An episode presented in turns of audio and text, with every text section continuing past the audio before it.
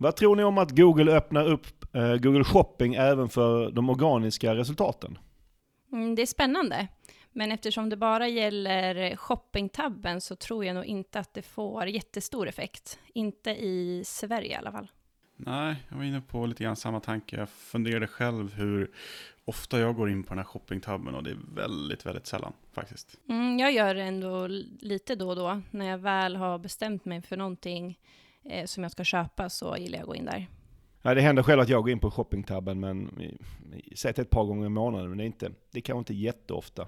Eh, vi får väl se om det organiska för Google Shopping flyger eller inte, men en sak vi hoppas flyger, detta är dagens avsnitt av Sökpodden. Du lyssnar på Sökpodden, en podcast för dig som gillar Google, SEO och SEM. Sökpodden görs av Pineberry. Varmt välkomna till avsnitt 61 av Sökpodden. Mitt namn är Mikael Wahlgren och idag har jag nöjet att ha med mig Sara Karlsson. Hej hej! Och Niklas Krus. Hallå hallå! Våra tre ämnen idag är rankingfaktorer för SEO, vi ska prata intern konkurrens och så avslutar vi med Facebook Campaign Budget Optimization. Hur är äh, läget med er? Det är bra med mig. Jo tack, det är bra. Rulla på här hemma på hemmakontoret. Man börjar nästan bli van att sitta här hemma nu. Eh, det börjar bli mm. vardag. De få gånger jag är inne på kontoret känns det nästan konstigt att vara på kontoret på något sätt. Ja. Det har blivit den nya vardagen att vara hemma. Du sa det är första gången du är med. Du kan väl berätta lite om vem, vem du är? Ja, kul att vara med för första gången. Jag kommer från eh, Dalarna, men har bott i Stockholm i snart åtta år. Har pluggat webbkommunikation på Medieinstitutet och Eh, gjorde en av mina praktikperioder här på Pineberry. Eh, och det var egentligen då jag fick lära mig vad SEO handlar om och sen efter examen så fick jag komma tillbaka. Eh, så idag sitter jag och jobbar som SEO-konsult och är även teamledare. Varför blev det SEO för din del? Mm, jag har alltid varit intresserad av att skriva och skapa innehåll eh, Eh, och därav eh, valet av utbildningen egentligen. Och sen när jag fick upp ögonen för SEO och insåg att text och innehåll är ju faktiskt en eh, stor pusselbit i det hela så valde jag att gå i det spåret och ville grotta ner mig ännu mer. Så på den vägen är det. Men ja, det som gör SEO så himla roligt är att man aldrig blir fullärd och det händer ju så mycket och man blir aldrig uttråkad. Mm, det låter bra det. Eh, Niklas, du är ju sedan ganska länge Head of Social Media hos oss. Mm, stämmer. Eh, men nu när Simon, som brukar också vara med här i sökpodden, han är ju föräldraledig, du är också tillförordnad Head of SEM. Jag anar vart du är på väg någonstans här. Ja, ja, precis. Jag tänkte fråga, nu när du har ansvar för båda områdena, vad är egentligen roligast? Facebook Ads eller Google Ads? Oh, supersvår fråga. Eh, lite grann som att välja sitt, eh, sitt favoritbarn om man säger så. Eh, eh båda två är otroligt roliga, eh, verkligen, eh, att jobba med. Eh, det är roligt att få utmana sig själv i två olika kanaler som ändå skiljer sig åt väldigt mycket arbetsmässigt. Men jag ska säga att jag är uppväxt med sök och sök är någonting som jag har jobbat med egentligen hela livet. Ehm, så det ligger nog lite närmare hjärtat tyvärr. Så, så Google Ads, eller kanske, kanske nu för att du jobbar lite extra med det mer än vanligt, som att det känns lite mer eh, spännande? Jo, men det skulle jag säga. Eh, men jag ska säga att Facebook är väl det jag eh, verkligen har brunnit för de senaste åren och verkligen tycker mm. det är superroligt. Så det är svårt, det är jättesvårt att välja. Ja, det är taskigt att be dig välja egentligen. Jag vill bara höra dig resonera kring det. Och då är det väl dags att vi kör igång dagens första ämne.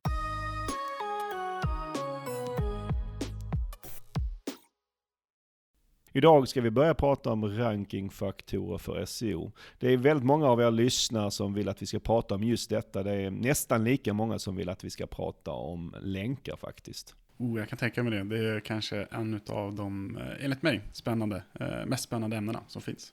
Ja, och idag tänkte jag att vi ska prata om det utifrån en undersökning som, om just rankingfaktorer som kom häromveckan. Och eh, det var en undersökning gjord av Brian Dean, han är väl kanske mer känd som Backlinko. Han, hade, han och hans team då har undersökt 11,8 miljoner särpar för att se vilka faktorer som korrelerar med de som rankar topp 10. Eh, det här var ju eh, i alla fall volymmässigt en, en väldigt ambitiös undersökning, men den fick direkt en hel del frän kritik från eh, andra kända personer i branschen. Både John Mueller och Bill Slavsky var ute och tog fram stora släggan. Och vad sa de då egentligen? Ja, eh, Johns kritik handlade väl främst om att det var en korrelationsundersökning och att det inte säger så mycket alls. Det vill säga skillnaden mellan korrelation och kausalitet som tas upp här i sökpodden titt som tätt. Och eh, Bills kritik handlade istället om att serparna är mycket mer komplexa idag och att man rankar topp 10 av olika anledningar och därför så kan man inte riktigt jämföra på det här sättet. Hur menar han då, Bill? Ja, han använde Jaguar som ett exempel. Om du googlar på Jaguar så kommer några resultat synas för att de svarar på bilmärket Jaguar, några för att de handlar om kanske djuret Jaguar, NFL-laget som heter Jaguar och så vidare. Och det är svårt att jämföra de här resultaten eftersom de då svarar på olika saker. Ja, och jag håller ju med om både Johns och Bills kritik här och korrelationsundersökningar som denna har sina eh, stora begränsningar. Sen ska man ju säga att, att de är väldigt öppna med att det bara är en korrelations Eh, Men sen samtidigt, det är inte så att det finns jättemånga andra undersökningar som är kausalitetsbaserade eh, som går att titta på istället. Ja, verkligen. Och det är ju väldigt svårt att undersöka egentligen komplexa saker och få fram ett, ett kausalt samband. Och det är någonting vi ser, inte minst just nu här i, i, i corona. Där man ser väldigt många olika undersökningar eller observationer. Men det handlar alldeles, oftast om korrelation och inte kausalitet. Ja, så är det. Och kritiken till trots så tycker jag ändå att det är lite kul med den här typen av undersökning. Så. Och även om man då måste såklart ha i bakhuvudet dess begränsningar. Så jag tänkte ändå att vi ska gå igenom de 12 huvudsakliga slutsatser om rankingfaktorer som Brian kom fram till och ge våra då, vårt perspektiv och våra kommentarer på det. Hur tycker ni? Låter det som en bra idé? Ja, kör. Absolut, kört. Och den första eh, som eh, han tog upp av de här 12, det är att en sajts generella länkauktoritet korrelerar starkt med bättre ranking. Vad eh, tycker ni om det? Och här kan jag ska tillägga att eh, länkauktoriteten hade de mätt i form av ARFs domain rating. Ja, det är väl inte jätteförvånande. Eh, länkar spelar ju stor roll. Verkligen, eh, jag håller med till 100%. Och sen även om vi kanske inte gillar just eh, domain rating, eh, som är det måttet de har tittat på, så är det ju eh, någonting, eh, det är ju en väldigt viktig rankingsignal, utan tvekan. Mm. Men vi har pratat om det här tidigare i sökpodden, att, att just domain rating, eller alla den här typen av länkmått från de här olika länkverktygen har sina svagheter, framförallt här i Sverige. Mm. Eh, vad bra, så den här, den här punkten kan vi i alla fall hålla med om, men vi går vidare till nästa. Och den handlar också om länkar och den, den handlar om att sidor som har många länkar till sig rankar betydligt högre än de som inte har det. Och här pratar vi om eh, länkar i absoluta tal. Och som en exempel så, så tog de upp att den som rankar etta har i genomsnitt 3,8 gånger fler länkar än den som rankar tvåa eh, till tia. Vad är kommentar på detta? Och det är väl inte heller direkt så förvånande. Han har ju undersökt antalet länkar i absoluttal, eh, som jag förstår undersökningen. Så för mig mm, eh, är det ju snarare antalet länkade domäner som är viktigt och inte antal länkar i sig. Eh, vad bra, jag håller med där också att det är länkande domäner kanske som vi tycker är lite mer intressant än just absolut antal länkar. Vi går vidare till nästa som handlar om eh, djupt innehåll och då eh, sajter, sidor med djupt innehåll rankar betydligt bättre än de som inte har det. Vad, vad, vad säger vi här? Till att börja med, det är lite flummigt vad de menar med just djupt innehåll. Eh, de har använt ett verktyg som heter ClearScope.io för att göra en bedömning av det här. Men om man med djupt innehåll menar mycket och bra innehåll på en sida så är det här lika naturligt eller någonting som jag vetat om eh, under väldigt lång tid. Precis, det känns ju också ganska naturligt att, att eh, om, det, om man syftar på mycket och bra innehåll så Eh, är det inte direkt förvånande att detta är en eh, viktig rankingfaktor. Nästa grej, punkt 4, är att de hittade ingen korrelation mellan page speed och de topp 10 eh, rankade sajterna. Och om de första tre grejerna har varit, känts ganska självklara, att de har fått de resultaten de har fått, så kanske den här är lite mer kontroversiell. Man pratar ju mer och mer om, om hastighet som någon form av rankingfaktor. Även om jag personligen kanske upplever att man kanske ibland överdriver dess viktighet som just rankingfaktor. Och här var faktiskt Gary, Googles Gary eh, Iljes ute och kommenterade på Twitter. Och han sa då att hastighet enbart är en väldigt liten, liten eh, rankingfaktor. Sen ska man ju även tänka på att undersökningen bara kollade på topp 10 eh, och de som rankar där ofta nog är hyfsat snabba sajter.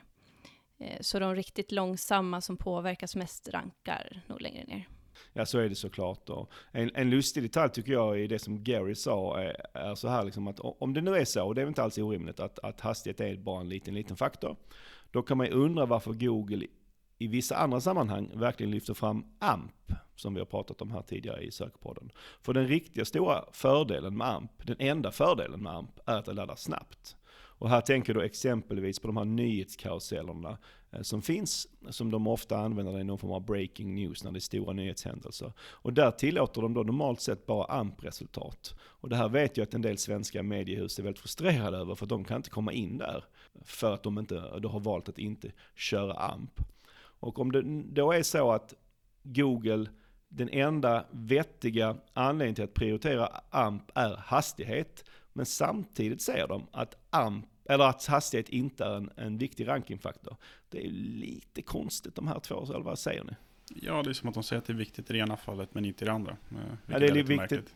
Ja, det är lite viktigt när det passar dem själva kanske, ja. jag vet inte riktigt. Mm, det var nummer fyra, då går vi till nummer fem. Eh, och nummer fem handlar om att om man, ska, om man får eh, länkar från flera olika eh, domäner, då verkar det spela roll för att eh, då korrelerar det med högre ranking. Och det här har du redan varit lite inne på, inne på Sara, eller hur? Ja, och skönt att Brians undersökning håller med. Ja, precis, så att vi slipper ändra eh, synpunkt helt och hållet där va.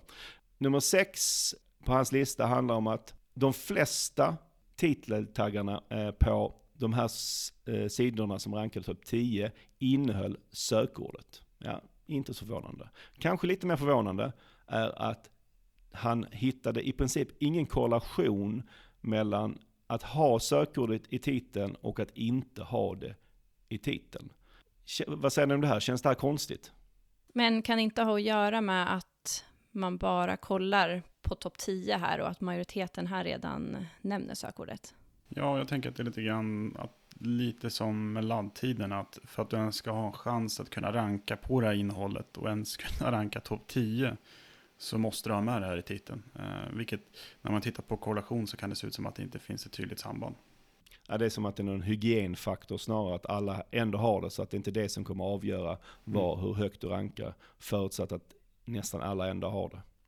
Det känns som, om man skulle fråga någon hur man gör bra SEO så skulle 9 eller 9,9 av 10 svara att man ska ha sökordet med i titeln. Så att det är verkligen ingenting, eh, ingenting nytt och någonting alla gör. Eh, så att, nej. nej verkligen. Och, och man ska säga att Brian här hävdar ju inte att man ska ta bort sökordet från titeln, utan han säger ju egentligen bara att hans undersökning hittar ingen korrelation. det kanske ja. intressantaste där är ju kanske att fundera på varför han inte hittar korrelationer. Det är som ni kanske var inne på, att om ändå alla använder det. Det är en sak som alla gör rätt idag, medan vissa av andra sakerna där vi hittar korrelation, då är det kanske de sakerna som är mer utslagsgivande för att de är kanske svårare att få till. Det är mm. kanske det man ser snarare i, i de här resultaten. Nummer sju på listan handlar om sidauktoritet och här har de eh, mätt med hjälp av RFs URL rating. Och här ser de väldigt lite korrelation.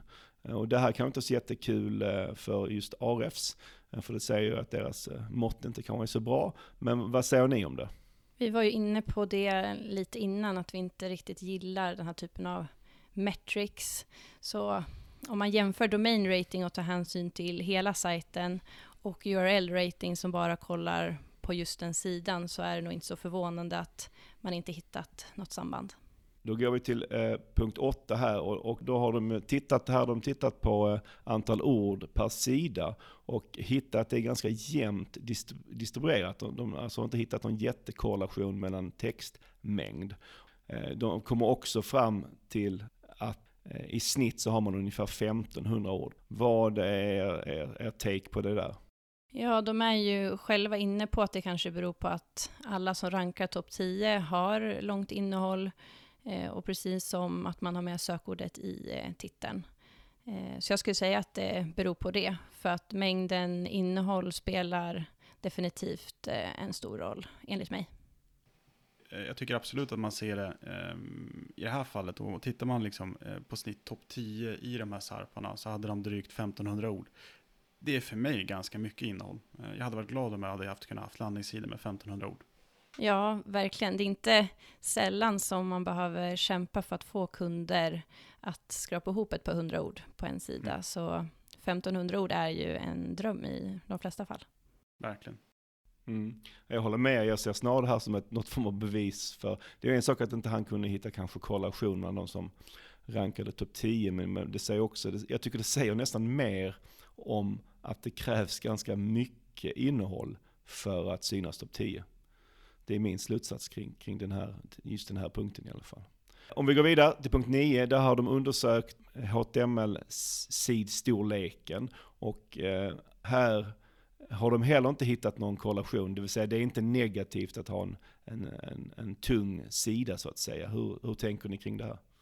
Det här var ju någonting man pratade om för eh, ganska många år sedan och det är väl en förlegad eller en legacy eh, sätt för Google att kunna mäta laddtider. Att ju tyngre en sajt var förr i tiden, ju längre tid tog det för användaren att hämta hem det i takt med att vi har fått bättre internet så blir eh, själva storleken på sajten kanske mindre viktig. Eh, och jag skulle säga att det har blivit en, en icke-fråga i dagens läge. Ja, precis. Jag är lite förvånad att han, han kanske tog upp den här. Eh, för att det känns ju som att HTML-storleken har ju i princip ersatts av, av hastighet som faktor. Att man istället pratar om det och inte bara hur mycket sidan väger så att säga. Nej, det, det, det känns ju snarare som att hur snabbt kan vi komma från A till B snarare än eh, hur tung är, eh, är den mm. resan om man säger. Då kommer vi till eh, punkt 9 på hans lista och det är att de har hittat en viss korrelation mellan URL-längd och där de ser då att eh, URL med kortare längd rankar bättre än de som har långa URL. Och det här tycker jag kanske är lite förvånande på ett sätt. Jag ska säga, här att jag alltid gillat korta oreller. Exempelvis när jag gillar när en e-handlare kanske lägger produkten direkt efter roten och inte har med alla kategorierna i URLen. Men det är inte sådär direkt av SEO-skäl, utan jag bara tycker att det är mer praktiskt och snyggt med, med korta ureller. Hur, hur ser ni på det här? Alltså korta ureller i sig, att det ska ge bättre resultat känns ju konstigt. Ehm, och de är ju själva inne på ett antal förklaringar. Det jag tycker känns rimligast är väl att en lång URL oftast betyder att sidan ligger längre ner i strukturen och att det då snarare handlar om intern längdstruktur och eh, än URL-längden helt enkelt. Absolut, jag håller med verkligen. Eh, och jag tycker det här om något är ett bra exempel på hur svårt det är att göra eh, studier baserat på korrelation. Och varför kausalitet kanske är att föredra många gånger. Ja men det är ju väldigt tydligt här att det kanske inte är URL-längden som gör att de ser den här skillnaden utan det är någonting annat som ligger bakom. Och då som du är inne på Sara så är det säkerligen kanske då att URL-längden är en fingervisning på var sajten ligger internlänksmässigt och att det är kanske är det som påverkar istället. Mm. Punkt 11 handlar om eh, schema, schema och att det inte korrelerar med högre ranking. Det här är väl inte så förvånande, eller hur? Nej, och det är väl inte så många som hävdar att den påverkar just eh, rankingen, även om det finns många andra bra skäl att jobba med det, inte minst eh, CTR. Ja, precis. Vi gillar ju strukturerad data, men man kanske inte ska syssla med det av eh, enbart rankingskäl, för då kommer man nog inte så långt. Punkt 12, den sista punkten på lista, handlar om eh, sessionstid eller time on site. Och då har de hittat en korrelation mellan de som har lite längre tid, där man stannar lite längre på sidan, att de rankar bättre. Och det här är ju eh, det, är ganska, det här är en av de saker som debatteras ganska mycket. Kanske inte lika mycket som CTR ibland, eh, som är rankingfaktor. Men det, det, det är många som har, tycker kring det här och det är en hel del som tror att det är en rankingfaktor. Eh, men jag är inte en av de som tror att det är det. Eh, och Google själva har varit ganska tydliga med att det inte är en rankingfaktor. Men som alltid tycker jag det, Google säger att man ska ta det med en viss nypa salt. Från mitt perspektiv så säger jag, liksom, det är flera anledningar som gör att jag inte anser att det kan vara en rankingfaktor. Den, den främsta är nog att Google inte borde veta om den här datan. För teoretiskt sett kan de ju få datan om, om hur länge man stannar på en sida via Analytics eller Chrome. Men det är data som de rimligtvis inte borde få använda. Och därför tror jag heller inte att de använder den. Blir en risk för att bli lite tjatig så tror jag att även här så är det ett tydligt exempel på eh, korrelation kausalitet. Det är väldigt tydligt att eh, sajter med bra innehåll fångar en besökare och skapar naturligt sett långa sessioner. Och säga då att långa sessioner är en rankingsignal skulle jag säga är felaktigt. Utan det är snarare resultatet av att du har ett bra innehåll. Mm. Vilket kommer ranka dig högre. Hönan eller ägget? Vad mm. kom mm. först? Precis. Det var alla tolv punkterna. Eh, blev vi något klokare av detta överhuvudtaget? Ja, det tycker jag ändå. Även om man ska ta den här typen av undersökningar för vad det är så är det alltid bra att fundera kring eh, rankingfaktorer och varför man ser de samband som man ser. Och som du var inne på lite grann tidigare Valgen, det finns ju väldigt få studier där ute som bygger på kausalitet när det kommer till SEO. Så att jag förstår att man bygger korrelationsstudier. Eh, jag kan ändå uppskatta att man gör det. Jag tycker det är roligt att läsa igenom. Jag tycker ändå att man blir lite klokare. Eh, om det kanske cementerar det man tidigare trott eller om man blir utmanad, det låter jag vara osagt. Men det är alltid roligt att få läsa de här rapporterna eller studierna.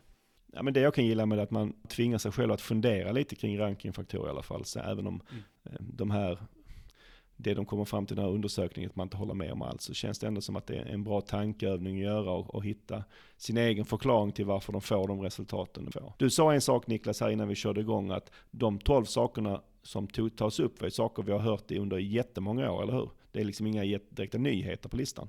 Eh, är du förvånad över det?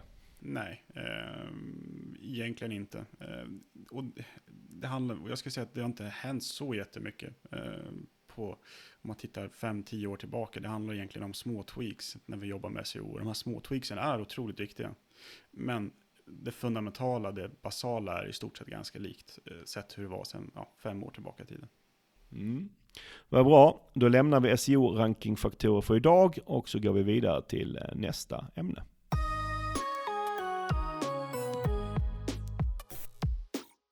Då ska vi prata om intern konkurrens inom SEO. Är detta ett vanligt problem skulle ni säga? Ja, jag skulle säga det. Det är ganska ofta jag ser den problematiken hos eh, mina kunder. Definitivt. Jag skulle säga att det är nog förmodligen en av de vanligare eh, problemen som, som kunderna har. Eh, och det kan i vissa fall vara eh, jättesvåra tekniska utmaningar för att lösa det Men definitivt, det är ett problem. Varför skulle ni säga att det är ett problem med intern konkurrens? Kan ju säga SEO handlar ju mycket om att eh, vara tydlig mot Google och eh, när du har flera sidor som handlar om samma sak och som är optimerade för samma sökord, då är du inte riktigt tydlig. Konsekvensen av intern konkurrens är ju att du rankar sämre. Varför blir det så? Man kan vi se det som att man inte utnyttjar eh, sina resurser på bästa sätt. Om vi antar att vi har tre sidor på en sajt som går mot samma sökord och när vi pratade eh, rankingfaktor i förra ämnet så snackade vi om att eh, både djup och längd på innehåll spelar roll. Eh, om vi då istället samlar allt innehåll kring ett sökord på en sida istället för att sprida ut det på tre så blir det ju tydligare och bättre. Ja, och länkmässigt har man väl lite samma problematik även där. Precis, och har du tre olika sidor så delar de på din interna länkkraft och har du externa länkar till sidorna så kanske dessa också spe, liksom pekar till de här tre sidorna. Och genom att koncentrera all länkkraft och extern länkkraft till en sida så ska jag säga att du får bättre förutsättningar. Hur eh, upptäcker man att man har problem med intern konkurrens? För det är ju lite sådär, kan man lite kanske, man ser kanske inte genom bara att titta på sajten eh, rakt upp och ner. Och framförallt kanske inte om det är en väldigt stor sajt med väldigt många sidor. Där det, den interna konkurrensen kan finnas på massa olika ställen. Det kan vara lite klurigt. Jag brukar använda mig av eh, ett antal olika metoder för att undersöka det. En av dem är via ett verktyg som heter Sistrix. Eh, där kan du då ange din domän och få fram alla sökord som eh, din sajt rankar på. Och går man in under någonting som heter keywords och sen lägger på som ett filter eh, som heter show keyword cannibalization eh, så får du fram en lista på Eh, sökord eh, där fler än en eh, URL rankar eh, på det här sökordet. Eh, så den listan man får fram bör man då gå igenom och eftersom vi egentligen bara vill ha en sida per sökord helt enkelt. Sen kan man även använda sig av eh, verktyget Ahrefs. Eh, där anger du också din domän och kan gå in under sökord eller keywords för att se Eh, de sökorden du rankar på. Och fäller man då ut något som heter Show History Chart på det här specifika sökordet du vill kolla på, eh, så kan du då se vilka URLer som över tid eh, som har rankat på det här sökordet. Och ser du då att det är olika URLer som rankat eh, den senaste tiden så kan det vara så att eh, du har ett problem med intern konkurrens. Och då är det värt att gräva djupare i det. Och sist men inte minst så har vi ju den klassiska sajtsökningen också. Där du i Google sökfält eh, skriver in site kolon och din domän och sen in title kolon och det sökordet du vill kolla på. Eh, då får du fram ett eh, ett sökresultat med de sidor som finns indexerade och som nämner det här sökordet i titeln. Och ser du då också att det finns fler sidor som nämner sökordet i titeln så bör du dubbelkolla eh, om det finns en risk för intern konkurrens här också. Ja, och jag som är eh, lite old school, jag använder mig absolut mest av sajtsökningen när det gäller intern konkurrens. Jag har inte riktigt eh, kommit in i, i de andra eh, mer moderna sätten nu, även om de har sina ganska stora fördelar jämfört med eh, en, en klassisk sajtsökning.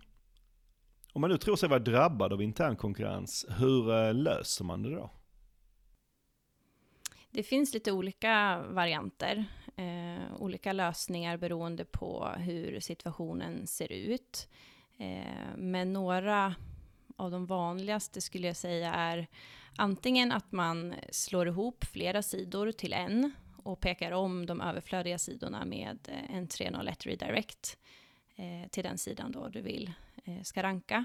Och då stärker vi den sidan eh, som vi vill ska ranka och minimera risken för intern konkurrens genom att ta bort de överflödiga sidorna. Sen så kan du avoptimera eh, de sidor som du inte vill ska ranka Eh, nämner du exempelvis sökordet i titeln på fler än en sida, som jag var inne på, så kanske man bör byta ut eh, sökordet i titeln på de sidorna och skriva någonting annat för att kunna lyfta upp eh, den prioriterade sidan. Sen kan man också se över internlänkningen och säkerställa att man stärker upp den sidan som man vill ska ranka. Och räcker inte det så kan man även stärka upp sidan med externa länkar. Vilken av de här olika metoderna eh, skulle du säga att du använder mest? Eh, den första ska jag säga, att slå ihop eh, sidor. Det är nog de, den jag använder mest. Mm. Ja, jag mm. skulle också säga att det är nog den vanligaste för mig också. Ehm, och ett tips jag brukar ge till alla som sitter med det här, det är att verkligen försöka göra en kartläggning över vilka sökord du vill synas på eller krasst vilka sidor du har att jobba med. Annars är det lätt hänt att du fortsätter att gräva i gropar framöver. Så se till att du kartlägger exakt hur du vill strukturera upp det. Ja, det var bra poäng där Niklas, för de, de sakerna som Sara tog upp eh, var ju saker man kan göra efter det har hänt. Men det, man kan ju också tänka lite preventivt, att man eh, försöker säkerställa att det inte händer på nytt så att säga. Och där är ju en, en karta eller en bild över vilka sökord som ska ranka var eh, mm. en väldigt bra eh, eh sak för att liksom inte trampa fel. För man skulle kunna tro att det var en grej man löser en gång och sen har man lärt sig av sina misstag. Men någonting jag tycker med scen då är att det här upprepas. Eh, att kunderna eller att sajter fortsätter att göra den här problematiken om och om igen. Och därför slår jag väldigt hårt på det. Att se till att ni bygger ut en tydlig struktur för er själva. Så att ni minimerar den här typen av problematik. Sen är det också viktigt att man har Eh, kunskap om att det här faktiskt kan bli ett problem. Eh, mm. framförallt om man har en blogg till exempel, eller skapar mm. kampanjsidor, eh, som då också kan över tid börja konkurrera eh, mot sina primära statiska sidor. Och som du nämnde där Niklas, att eh, man kan tro att eh, man har löst det här en gång för alla. Det är väl skönt att det inte är så att man aldrig riktigt blir klar med sin SEO. För att då hade vi inte haft någonting att prata om här och vi hade kanske inte haft så mycket att göra heller. Så det är jag väldigt glad för att det hela tiden finns, finns saker att göra lite bättre. Jag och Pontus som eh, Pontus som brukar vara med här i Sökpodden, vi höll ett webbinar för någon vecka sedan som handlar om lågt hängande frukt. Och webbinariet avslutades med en frågestund och en av frågorna som då dök upp var om vi ansåg att just intern konkurrens var lågt hängande frukt, alltså någonting som man kan fixa med relativt små medel. Vad skulle du säga om det Sara? Är intern konkurrens lågt hängande frukt? Ja, jag skulle verkligen säga att det kan vara det. Eh, om vi tar det här exempelvis att slå ihop tre sidor till en. Eh, det är en enkel åtgärd och och eh, kan faktiskt få riktigt stor effekt. Jag håller med. Samtidigt finns det ju fall av intern konkurrens som är väldigt komplexa. Och detta är ju sökpodden, eh, det ska vara lite komplext, så jag tänker att jag ska ta upp, eh, ta, nämna två sådana fall. Och båda är egenupplevda och gäller oss själva. Den första gäller sökmotorkonsult.se där sökpodden bland annat huserar. Här hände en sak för en massa år sedan där vi fick vansinnigt mycket externa länkar som ett resultat av ett verktyg som vi då hade lanserat. Eh, historien om hur detta hände, liksom hela historien om just det här verktyget, den, den drog vi i eh, avsnitt 33. Eh, så den tänkte jag, den, den drar jag inte igen, men har du inte lyssnat så lyssna gärna på det. Definitivt, det är en eh, sjukt bra story. Eh, någonting som jag än idag blir påmind om eh, faktiskt. Mm. Eh, med konsekvensen i alla fall av att, att vi fick de här enormt många länkarna till startsidan med ankartexten sökmotoroptimering. Eh, och för att vara helt korrekt så var det inte ankartext utan det var alltext för det var bildlänkar. Men på grund av den enorma volymen av länkar som det handlar om blev eh, sidan dessutom sannolikt filtrerad av, av Google. Och vi höll på i flera år för är att försöka rensa för det här. För vi vill ju att en annan sida på sajten skulle ranka på sökmotoroptimering. En mycket bättre sida med vad vi tyckte var mycket mer relevant innehåll. Men länkarna hade gjort att Google bestämt sig för att det var startsidan som var den mest relevanta för detta. Och som dessutom filtrerade. Och vi gjorde allt vad vi kunde. Liksom. Vi avoptimerade hela startsidan, försökte inte nämna ordet någonstans. Men det, det, det hjälpte inte. Det blev lite som ett klassiskt moment 22 skulle säga att det är ett sjukt bra kvitt om inte annat på hur kraftfullt eller hur effektivt det faktiskt är att jobba med länkar. Mm, precis. Men hur, eh, hur löses det då? Alltså det går inte riktigt att veta med säkerhet hur eh, vi löste det, för, för det, och man kan säga att det är löst. Va? Men vi gjorde en massa olika saker under de här åren vi hade problem med det. Min bedömning så i efterhand att det var framförallt två saker som gjorde det. Det, det första var ju att vi rensade bort många av länkarna. Och på, på det sättet, normalt sett när man jobbar med intern konkurrens så vill man kanske addera länkar. Men här handlar det om att rensa länkar. Och sen med tiden, tid var den andra faktorn. Att efter, eh, efter då, det hade gått ett, något år så eh, började även Google tycka att den andra sidan vi hade var mer eh, relevant och därmed hade vi löst problemet med intern eh, konkurrens så att säga. Eh, och det var lite ett, ett äldre exempel. Jag har även ett färskt exempel som jag tycker kanske är ännu knivigare. Och här gäller det vår andra sajt, pineberry.com. På den sajten har vi en sida som är optimerad mot sökmotoroptimering och SEO. Och för en, säg 4-5 år sedan så bestämde sig Google för att detta var lokala sökningar. Och då helt plötsligt började vi ranka lite sämre om man googlade från i Stockholm på SEO då. Jämfört med tidigare då. Eh, och jämfört med de sidor då som mycket tydligare var riktade mot Stockholm. Och eh, i och med att Stockholm är en viktig marknad för oss så var ju inte det här helt optimalt. Men vi kände samtidigt att vi ville inte lägga till Stockholm i titeln, för det blev lite exkluderande. För även om vi eh, gillar våra Stockholmskunder så vill vi ju gärna också ha kunder från hela Sverige. Och så vi kände att nej, vi vill inte lägga Stockholm i titeln, utan vi gjorde så istället att vi la det som ett stycke på sidan där vi pratade om Stockholm och vårt kontor i Stockholm. Och det var det lösning vi gjorde då. Men räckte det?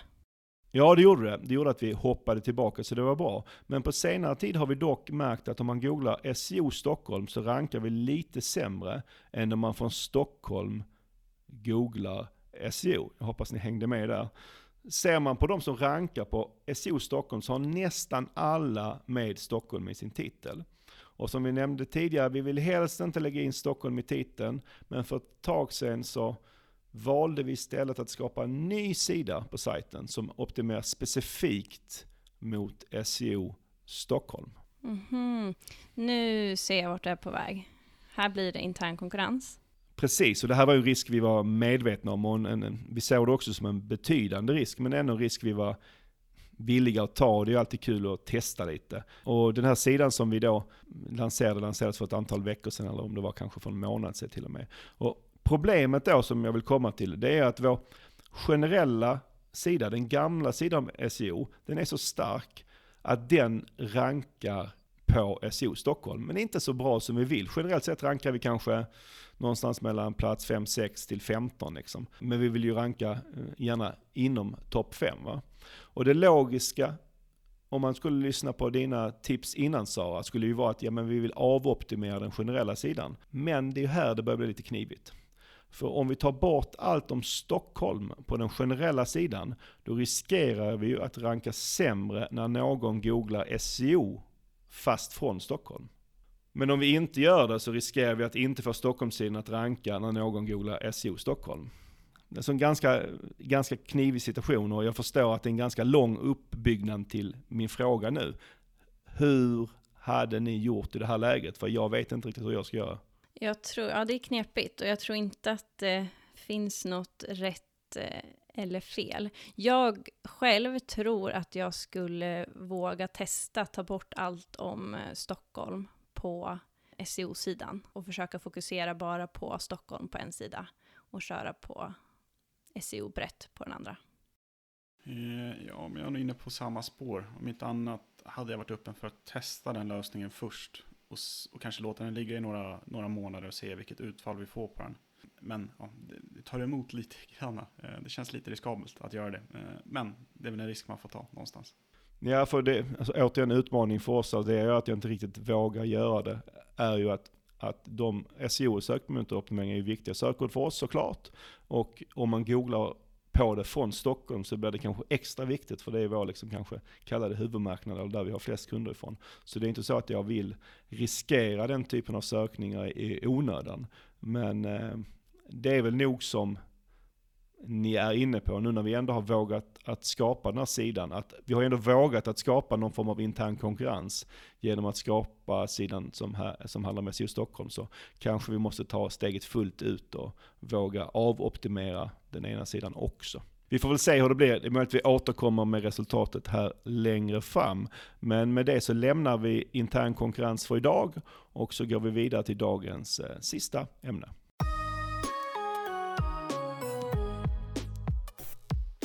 Nu ska vi prata om Facebook Campaign Budget Optimization. Det är ett långt ord, man kan väl lika väl kalla det CBO kort och gott. Det har funnits ett antal år, men det var hyfsat nyligen som det började pratas mer om CBO. Ja, exakt. Det har ju funnits i betaversioner till och från här under några år. Ehm, det kom en ny lanserad eh, version Eh, för, för eh, nio månader sedan. Eh, och diskussionen startade, eller man började prata väldigt mycket om det här i höstas. Vi undviker ju ofta här i sökpodden att ta upp helt nya saker för att det är ju så att då har vi inte riktigt hunnit testa det själv och har liksom inte egentligen så mycket praktiskt att säga om det. Utan mer så teoretiskt hur det verkar på pappret. Men eh, här med CBO, då har vi ju ändå hunnit testa under ett tag. Ja, men precis. Vi brukar ju generellt sett ha kanske lite mer infoguider eh, på sökmotorkonsult eh, på bloggen. Eh, I sökpodden gillar vi i regel att kanske djup, dyka lite djupare i ämnen. Och som sagt, som jag nämnt så har vi hunnit testa CBO ett tag. Eh, så att idag tänkte jag att vi skulle dela med oss av några nyttiga tips till våra lyssnare helt enkelt. Mm. Vi nämnde här i, i början att eh, Google släpper in organiska sökresultat i shopping och när den nyheten kom för några veckor sedan så var det många som beskrev den som Eh, en av de största förändringarna på länge. Och det var ju lite med samma ord som man pratade om CBO när det då, säg att det nylanserades eller vad man kan kalla det för i höstas. Nu, nu med lite perspektiv på det, är det en så stor förändring som vissa kanske trodde det skulle vara? Eh, ja och nej. Ehm, det kanske inte var den här gigantiska förändringen som man trodde eller hade hoppats på. Um, sen ska vi komma ihåg att de backade på några grejer som gjorde att man till viss del kunde använda uh, tidigare verktyg uh, och inte blev tvingad till CBO på samma sätt. Så ja och nej på den frågan. Mm, vad bra. Eh, vad, vad, skulle, vad, vad innebär egentligen CBO? Krasst CBO det är ju ett sätt för, för oss att kunna sätta en budget på kampanjnivå istället för att vi sätter det på adset-nivå. Tanken är ju att Facebook enligt dem själva ska kunna fördela budgeten bättre än vad gemene Facebook-annonsör gör emellan sina adsets. Så krasst är det en funktion som Facebook har släppt för att vi ska få bättre resultat eller kunna fördela budgeten bättre. Och eh, CBO tillhör ju en, en, någonting som Facebook kallar för Power 5. Och Power 5 är fem olika automatiseringsfunktioner där CBO är en av dem. Vilka är mm. de andra fyra? Man pratar eh, väldigt mycket om automatiska placeringar. Det är väl kanske den de trycker hårdast på, eh, skulle jag säga. Sen har vi också dynamiska annonser och då är det inte eh, DPA-annonser som vi pratar om, utan vi kan göra dynamiska annonser i, i flödet på Facebook till exempel. Sen har vi avancerad matchning som är en relativt ny funktion där vi kan låta Facebook krast lägga till intressen som de tror kommer ge oss ett bättre resultat och förenklad kontostruktur. Eh, och det är de andra fyra. Mm. Och du var lite inne på det här tidigare i ditt svar. Eh, för Facebook hade ju tänkt att göra CBO tvingande. Det var det som de gick ut med i höstas. Och det var väl som sagt en av de sakerna som till kanske att folk tyckte att det blev en så stor grej. Men det har inte blivit så. Nej, de backade på det. Eh, Varför gjorde de det? Jag tror, eh, gissa någonstans att det beror på att det var många som klagade. Eh, hade de gjort CBO tvingande eh, så skulle de ha tagit bort möjligheten eller en viss flexibilitet att kunna sätta budget på adset-nivå och därefter kunna styra hur mycket vi vill spendera på olika segment. Och de sa själva att de vill behålla den här flexibiliteten för annonsörer. och jag tror även att de såg på datan att CBO kanske inte alltid är bäst.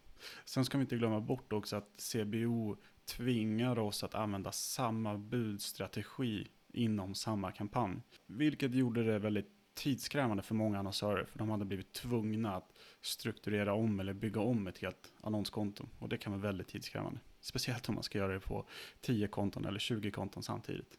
Men det är väl skönt att de backade eller? Jo, men det skulle jag säga. Eh, det är alltid mycket bättre eh, när vi själva får den här kontrollen, när vi själva får möjligheten att göra den här fördelningen. Generellt sett så är jag ganska anti när Facebook, eller Google för den delen, eh, tvingar in oss i ett hörn. Du var ju inne på att det var en del som klagade när det skulle bli tvingande med CBO. Men det betyder ju också att, att, som sagt, att det finns lite nackdelar här va? Jo, men precis som allting så finns det oftast för och nackdelar. Även här finns det nackdelar. Och jag ska säga att min spontana känsla eller min spontana bild är att CBO för de flesta annonsörer eh, kommer vara någonting positivt.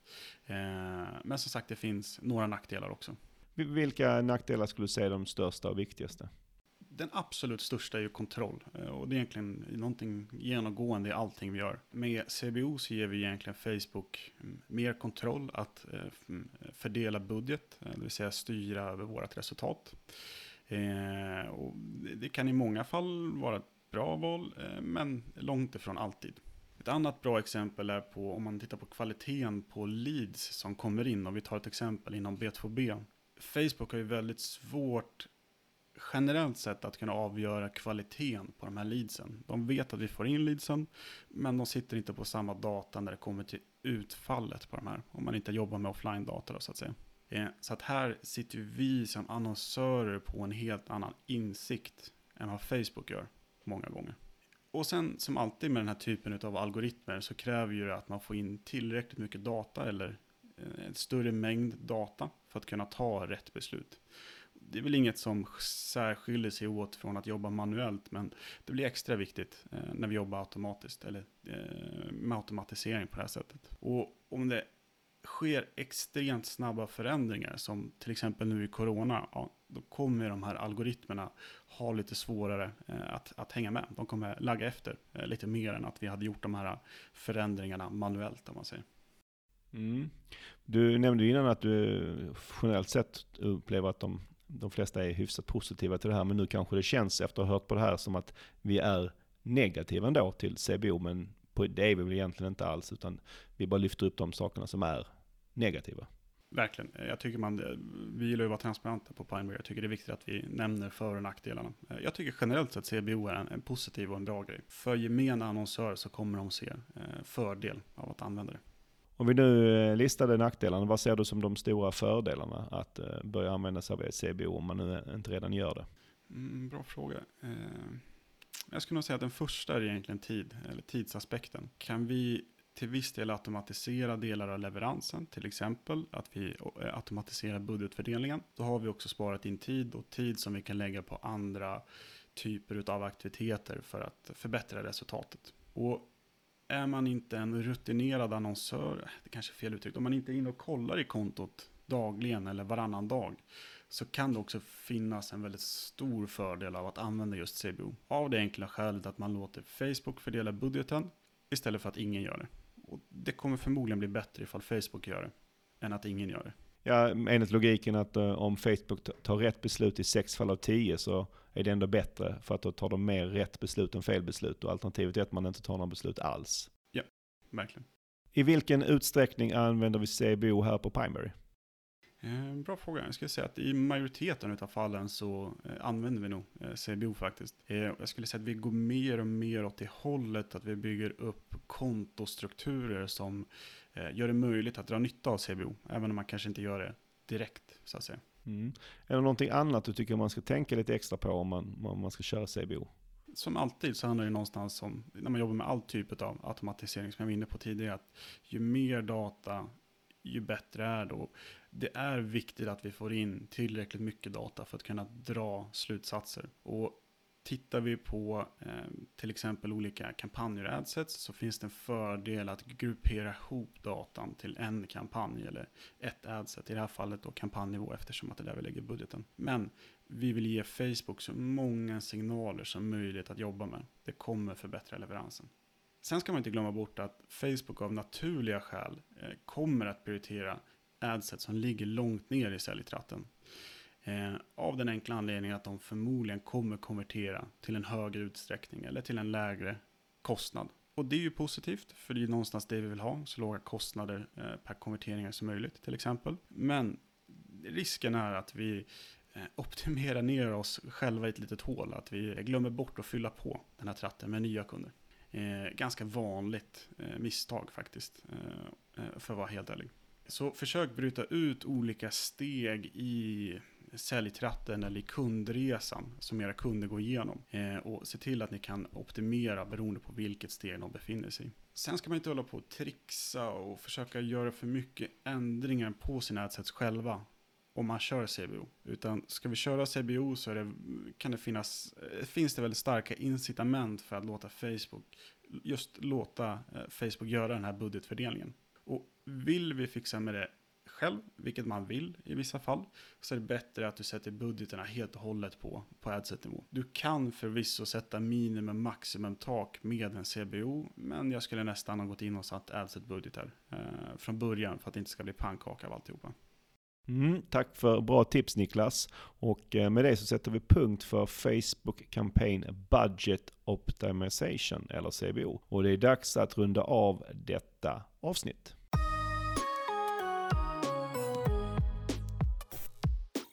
Jag skulle vilja testa en sak och behöver hjälp från er som eh, lyssnar för att eh, lyckas med det här testet. När du har lyssnat klart på avsnittet om sådär kanske en 10 sekunder, då skulle jag vilja be dig om du har lust att gå in på vår Facebook-sida, vi heter Pineberry sökmotorkonsult där, och kommentera på inlägget för just det här avsnittet och bara skriva att du har lyssnat klart. Du får hemskt gärna såklart även berätta vad du tyckte om avsnittet, men för mitt tests skull så är jag mer nöjd med att du bara skriver att du har lyssnat klart. Oh, en sak till. Eh, ni får jättegärna kommentera också ifall ni har några förslag på ämnen ni skulle vilja höra i kommande sökpodden här. Mm. Tusen tack på förhand och eh, tack för att du har lyssnat idag. Som alltid kan du även nå oss på sokpodden at pineberry.com. Sköt om dig tills vi hörs nästa gång. Tack för idag. Tack och hej.